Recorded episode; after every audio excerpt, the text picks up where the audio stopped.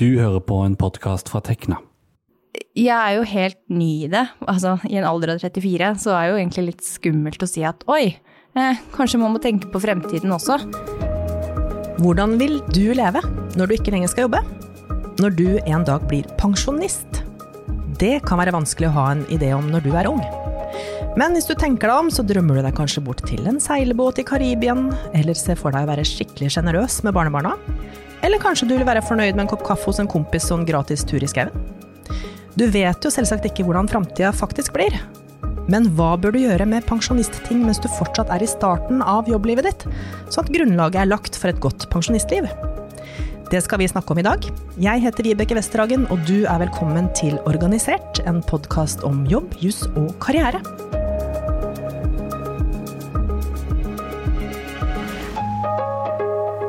Litt seinere i sendinga skal du få høre at influenser Tina Skarbø er bekymra for at hun kommer til å få en lav pensjon når den tid kommer.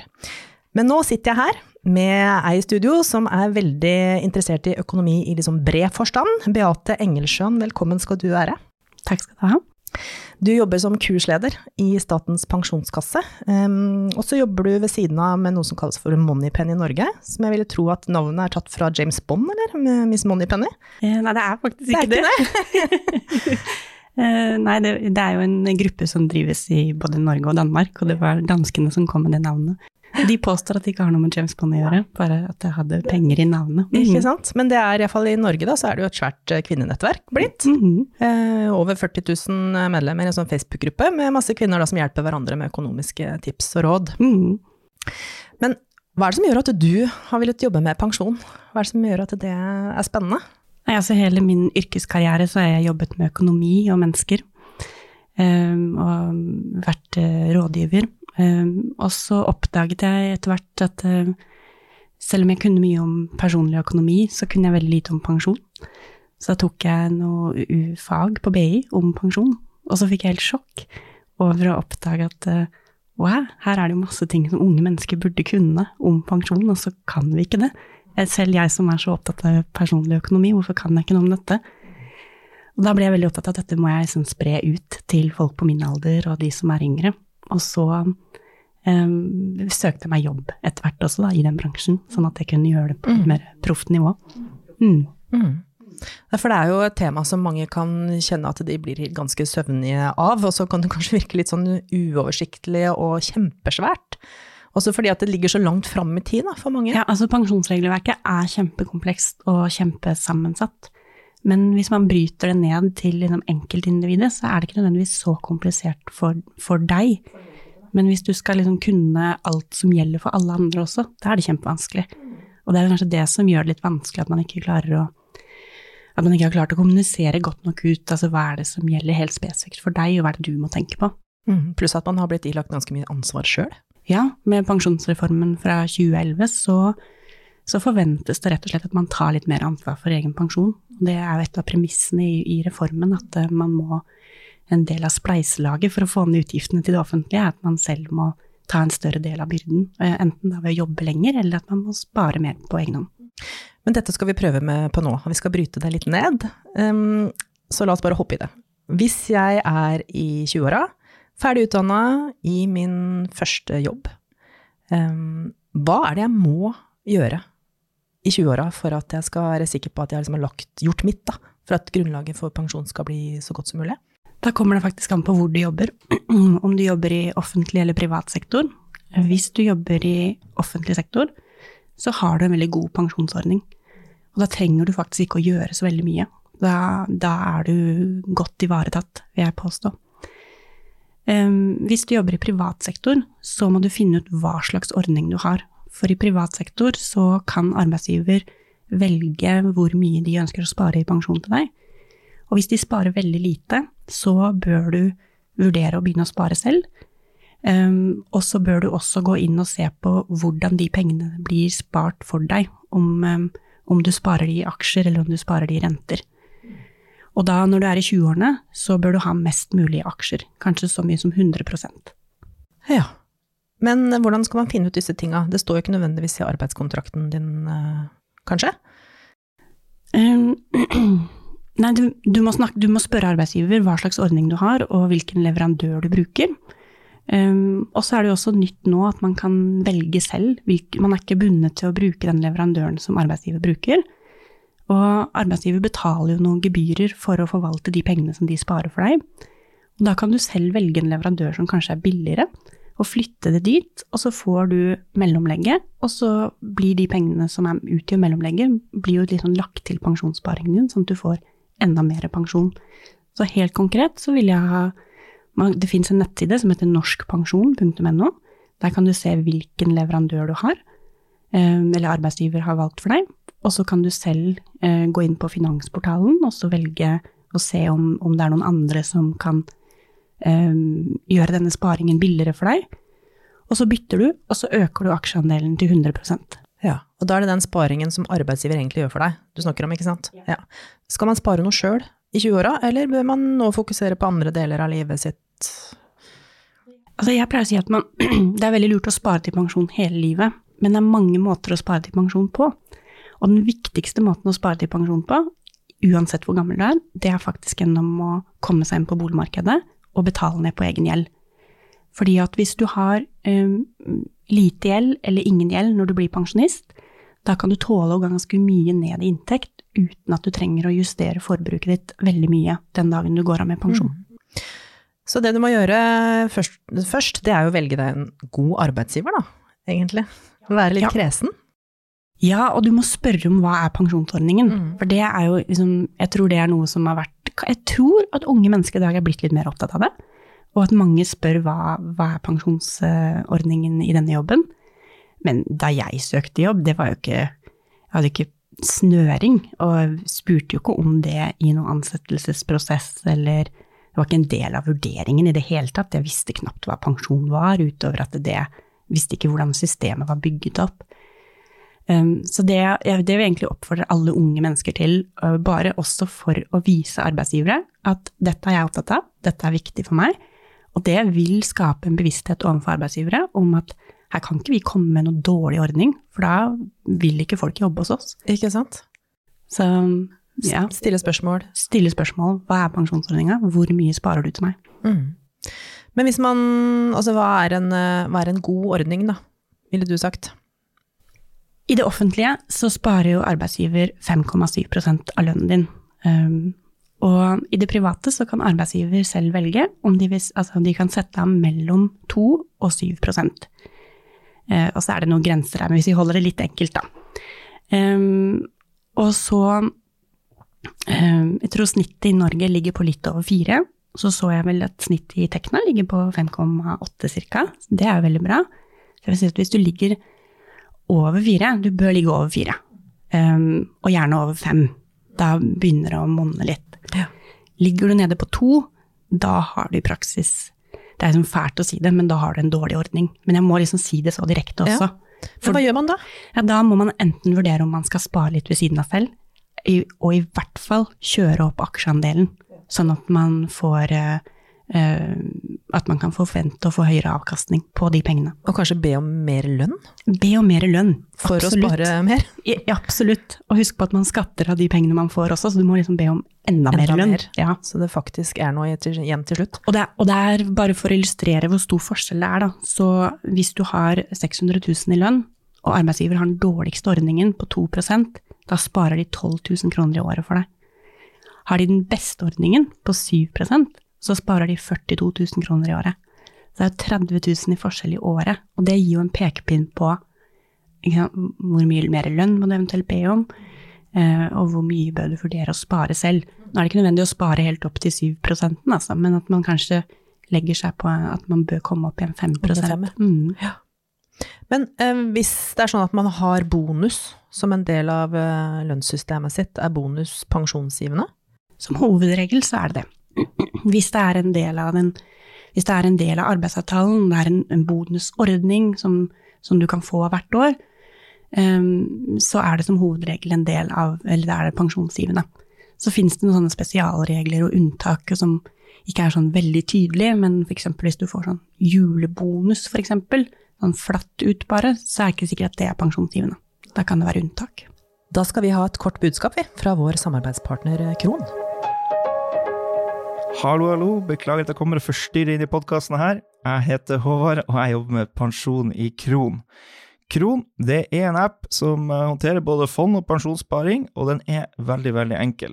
Den er allerede lasta ned av 120 000 nordmenn, og den har vunnet tester hos Forbrukerrådet som beste pensjon, og også toppet den da Finansportalens prisliste.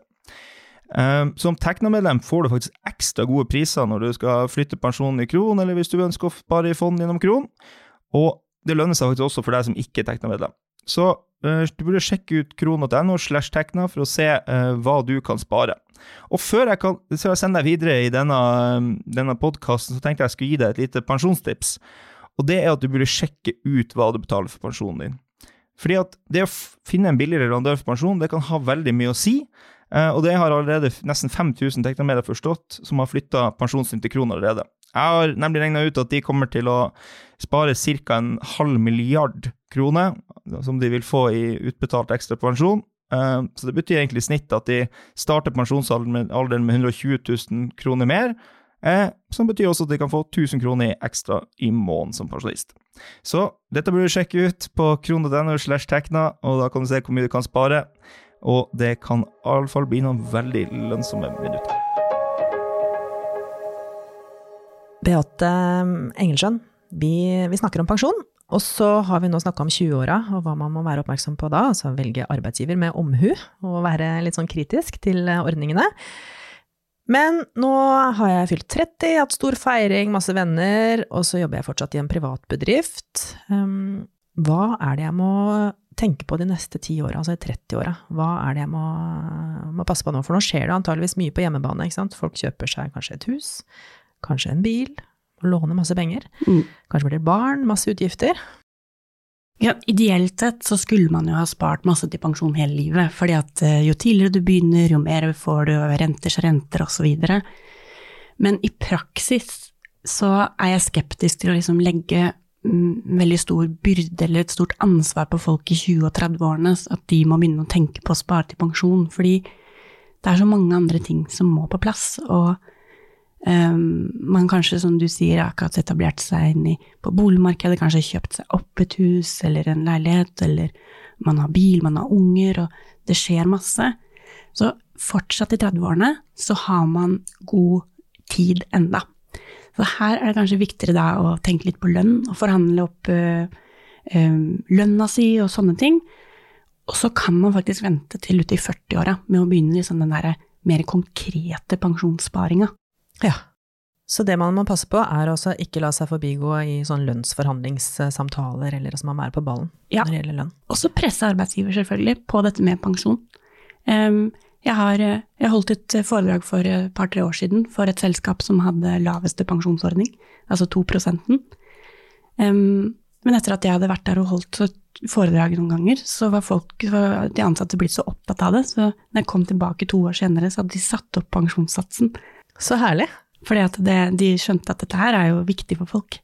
For det er jo begrensa hva man får gjort aleine med et system på jobben. Det får Ja. man vel ikke påvirka? Nei, du får ikke noe individuell pensjonsavtale sånn sett. Da må man jo forhandle lønn i så fall. Ikke sant? Så her er det viktig at alle er liksom på ballen. Mm. Mm. Og da kan jeg skyte inn at uh, hvis man er Tekna-medlem og har tillitsvalgt, så er det veldig fint å få tillitsvalgte på ballen når det gjelder også pensjon.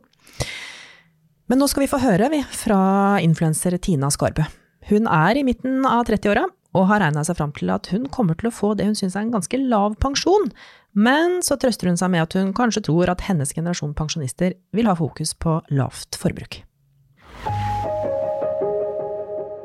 Tina Skarbø, som nylig har begynt å satse for seg selv som influenser, fikk et sjokk da hun så at pensjonssparingen stoppet opp da hun gikk ut i mammaperm. Og det for meg syns jeg var ganske brutalt, fordi skal jeg på en måte straffes, da, i gåsetegn, for at jeg må ta ulønnet mammapermisjon, at det er den situasjonen som min familie er satt i. Jeg er jo helt ny i det. Altså, I en alder av 34 så er det jo egentlig litt skummelt å si at oi, eh, kanskje man må tenke på fremtiden også. Nå eh, har jeg i hvert fall satt av en fast sparing i måneden. Og så tenkte jeg å se utover om jeg kanskje skal spare mer, eller om jeg må spare mindre, eller om jeg en måned kanskje må stoppe sparingen. Jeg må nok gjøre mer. Hvor mye penger tjener du nå, og hva vil du ha når du blir pensjonist? Jeg har et mål om å, å minimum klare 60 000 i måneden. Det er jo selvfølgelig et, et høyt mål, eh, men et mål jeg har satt meg. Og så får man på en måte se hva som går, eller hvordan man fortsetter der. Så har jo pensjonskalkulatoren min sagt at rundt 800 kroner i måneden burde jeg sette av da. Og da får man vel rundt 300 000 i året å leve av eller noe som pensjonist. Jeg er litt usikker, det var sånn cirka, jeg husker ikke helt cirka tallet. Hun tror man kunne nådd bredere ut med temaet til yngre mennesker om man hadde en time i uka om voksenøkonomi på grunnskolen, samt bedre avtaler for unge når det gjelder pensjon, slik som BSU. Da jeg vokste opp, så kan jeg ikke si at eh, det var en stor prioritet. At det var noe vi lærte veldig om. Og jeg kan jo hende vi lærte om det, men som ung så er det Når du er så ung, så er det veldig vanskelig å sette seg inn i fremtiden som pensjonist. Jeg tror Nå kan ikke jeg snakke for de som er yngre i dag, eh, jeg kan kun snakke for meg selv, men eh, jeg kan ikke huske at det var, et, at det var på agendaen, altså. Det var noe jeg kunne mye om. Og så blir du ansatt, og så starter du jobb, og så får du bare noen papirer. Å, her, her sparer du i pensjon, og så er det masse skriv fra en bank. Så du setter deg ikke ned og leser. Eller i hvert fall jeg, da. Så jeg syns det er vanskelig å sette seg inn i. Tror du at du vil Altså, denne generasjonen vil leve livet på en litt annen måte? Ja, det tror jeg. Men det er fordi at eh, de som er pensjonister i dag, de levde jo annerledes når de var på vår alder. Alt endrer seg. Det tekniske endrer seg, vår væremåte endrer seg, prisene endrer seg. Kanskje ting som vi ser på i dag som ikke koster noen ting, blir en luksusvare når vi er eldre. Men, men tror du de som er unge i dag, har, um, har et større forbruk som de må på en måte få utløp for, også når de er eldre? Ja, og nå er det jo veldig mye mer snakk om bærekraft. Finn, Tise, alle disse stedene hvor man kan kjøpe brukt. Så jeg tror jo, og håper jo det, at forbruket blir mindre. Og det merker jeg jo allerede i dag, at det er mye enklere å selge ting på Finn enn det var fem-seks år siden. Da. Nå tenker ikke folk brukt æsj. Nå tenker de nå er jeg kul, for nå har vært på Fretex, for eksempel. Da. Nå har jeg jakke fra Fretex, jeg er jo dritkul.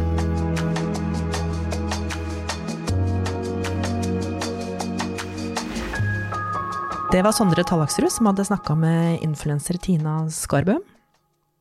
Beate Engelsjøen, hvor mye penger må man ha når man går av med pensjon? Ja, hvor lang er en tråd, pleier jeg å svare da. Um, nei, det er jo litt som hun var inne på, altså hvor, hvor stort høy, høyt forbruk vil man ha som pensjonist? Um, det vil jo være veldig avgjørende for hvor mye penger du trenger som pensjonist. Det er klart at hvis du skal ta med hele familien på cruise hvert år, og du skal ha hytte og to biler, og du skal reise og se verden, du skal ut og spise på restaurant masse, da trenger du jo mye penger. Um, hvis du tenker at du kan klare deg med mindre, så trenger man kanskje ikke så mye. Og så har det også mye å si om du er gjeldfri eller ikke, eller tilnærma gjeldfri.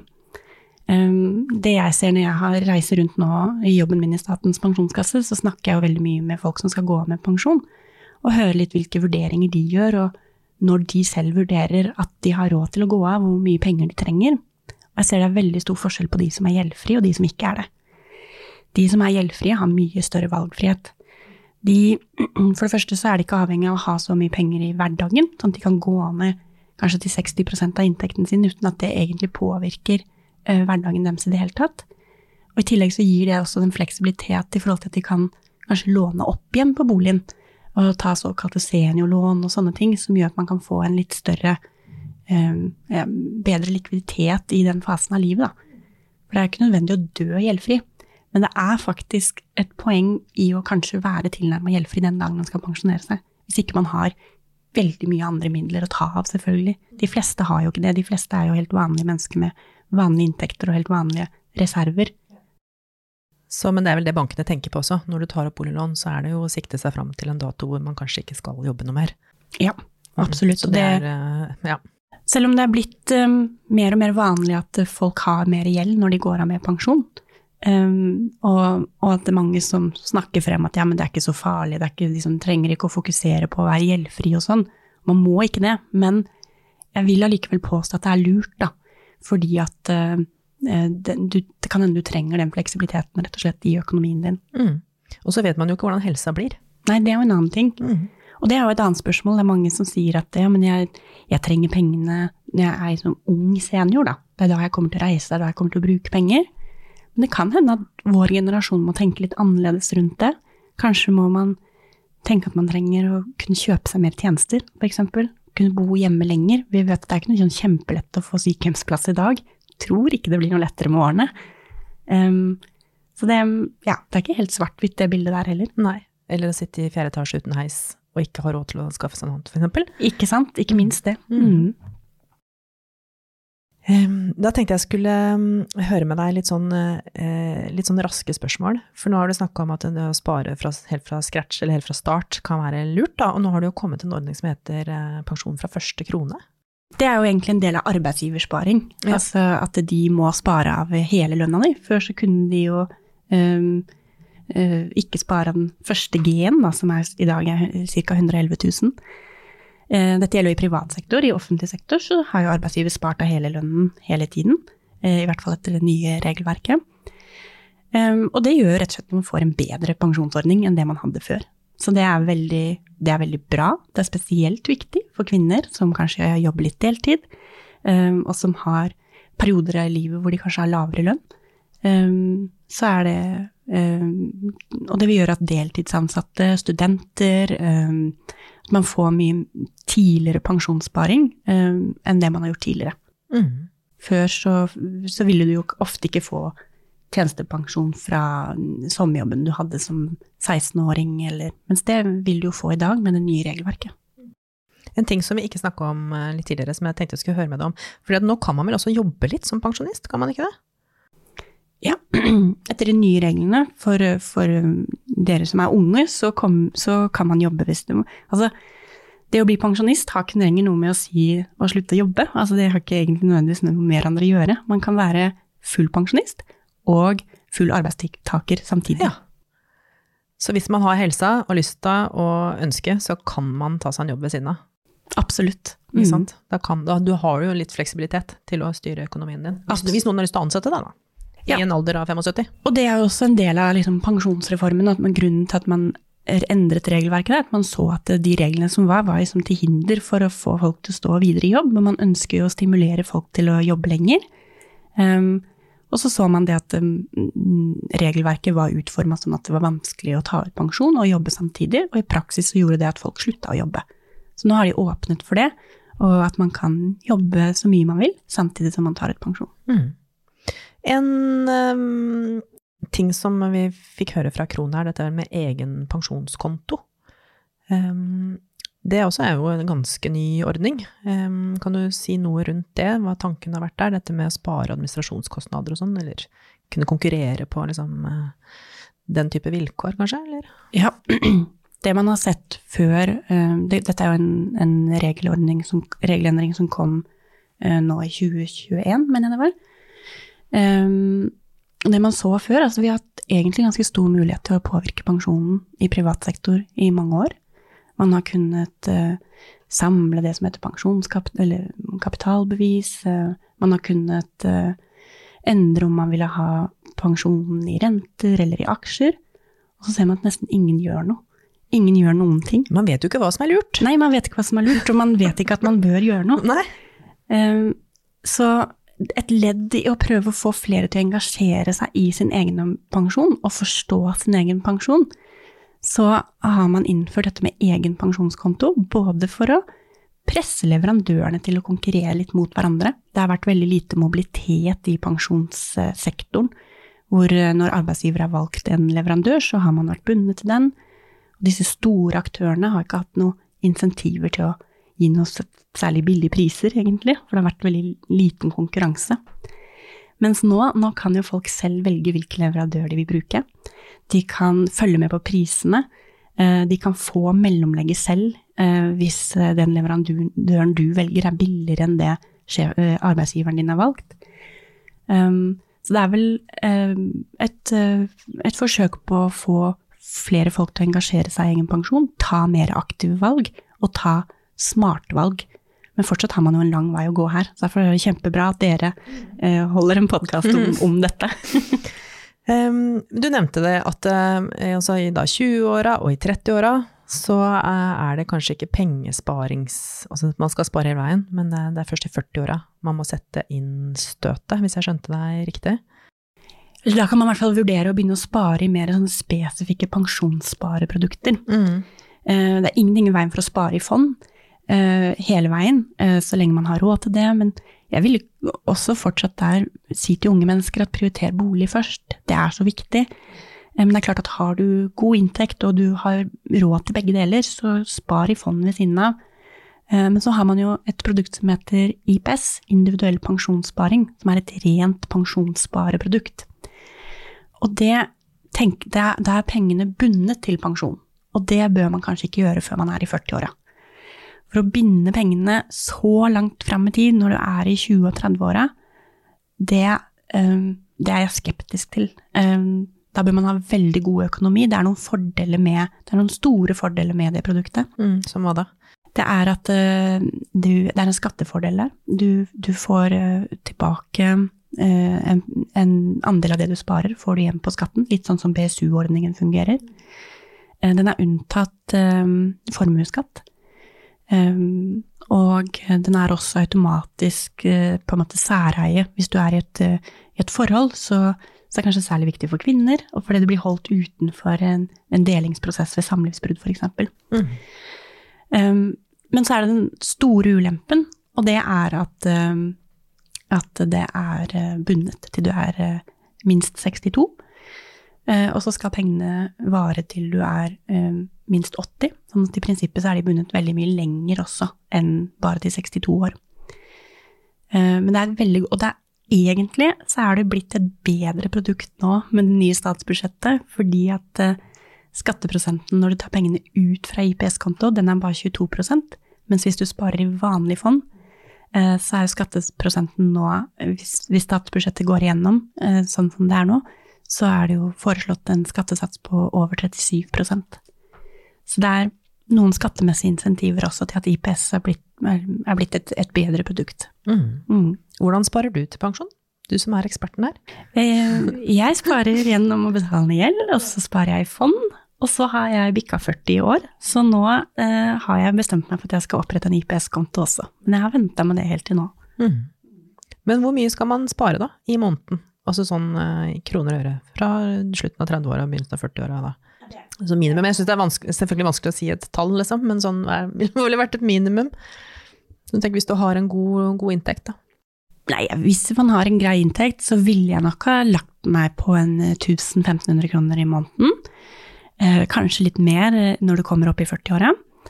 Um, men um, det er, ja, det er viktig for meg å liksom ikke legge noe press på at man må spare så mye. Det er en annen måte å kompensere for, for pensjonsreformen gjør jo at vi får lavere pensjoner jo yngre du er. Dette er levealdersjustering sånn. Jo lenger det er venta at du skal leve, jo lavere pensjon får du hvis du, å, hvis du går av tidlig, eller hvis du begynner å ta ut pensjonen tidlig. Men det er jo en mulighet til å påvirke pensjonen, og det er gjennom å stå lenger i jobb. Og det tror jeg kanskje vi må forvente, og de som er yngre enn oss også, må forvente at eh, man må rett og slett jobbe litt lenger. Så, og da kan man få en god pensjon. Da kan man få eh, uten at du må spare så fryktelig mye ved siden av. Litt avhengig av hva slags ordning man har, selvfølgelig. Så da må man passe på at man har en jobb man syns er interessant, Ja, som man orker å stå i lenge. å, absolutt. Også arbeidsgivere som har lyst til å ha deg der, ikke minst. Ja.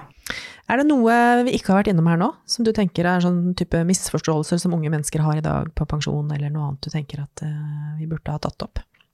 Nei, jeg tror jeg bare igjen vil understreke hvor viktig det er å sette seg inn i pensjonsordningen, og at man er bevisst og kjører på i intervjuer, snakker med pensjon, noen kollegaer, få, øh, gjør arbeidsgiver kjent med at dette her er jeg opptatt av, dette er viktig for meg, Um, og, um, og se på har jeg en, en god ordning, eller er jeg nede på 2% og ta valg ut ifra det, og ikke minst å kjøre opp aksjeandelen på, på pensjonssparingen.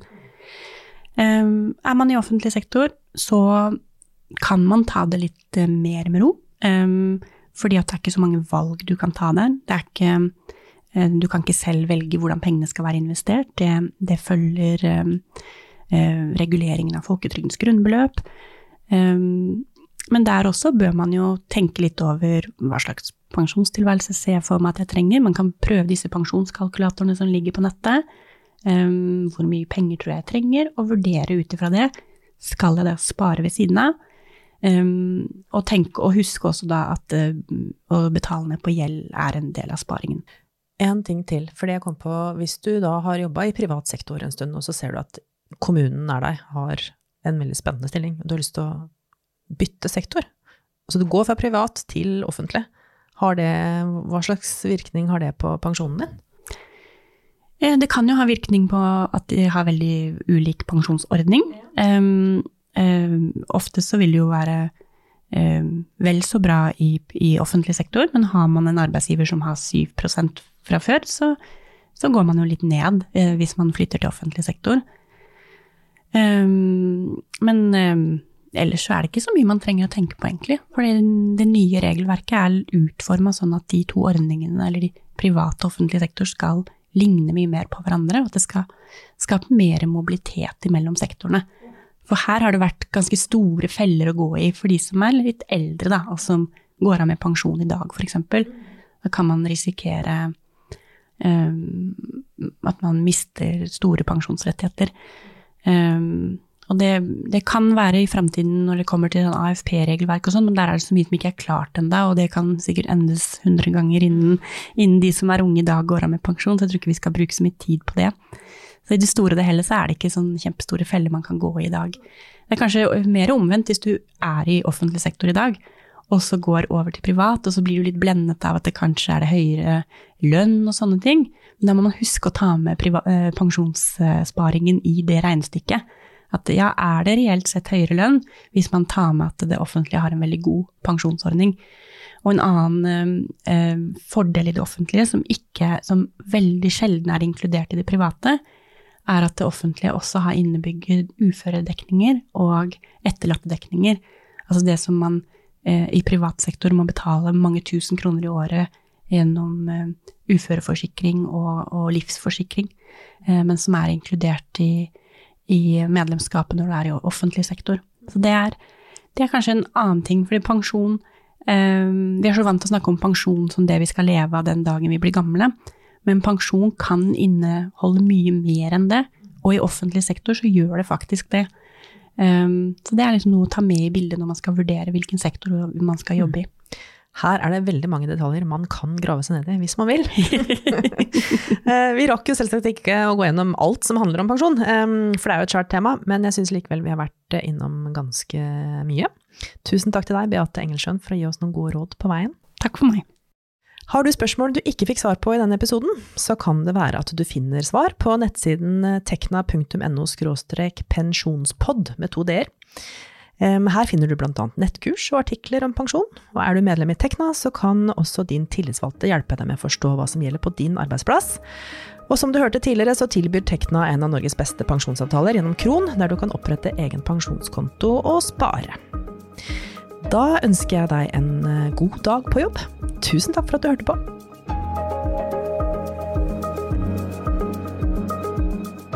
Dette har vært en podkast fra Tekna en fagforening for deg med mastergrad i naturvitenskap, realfag eller teknologi.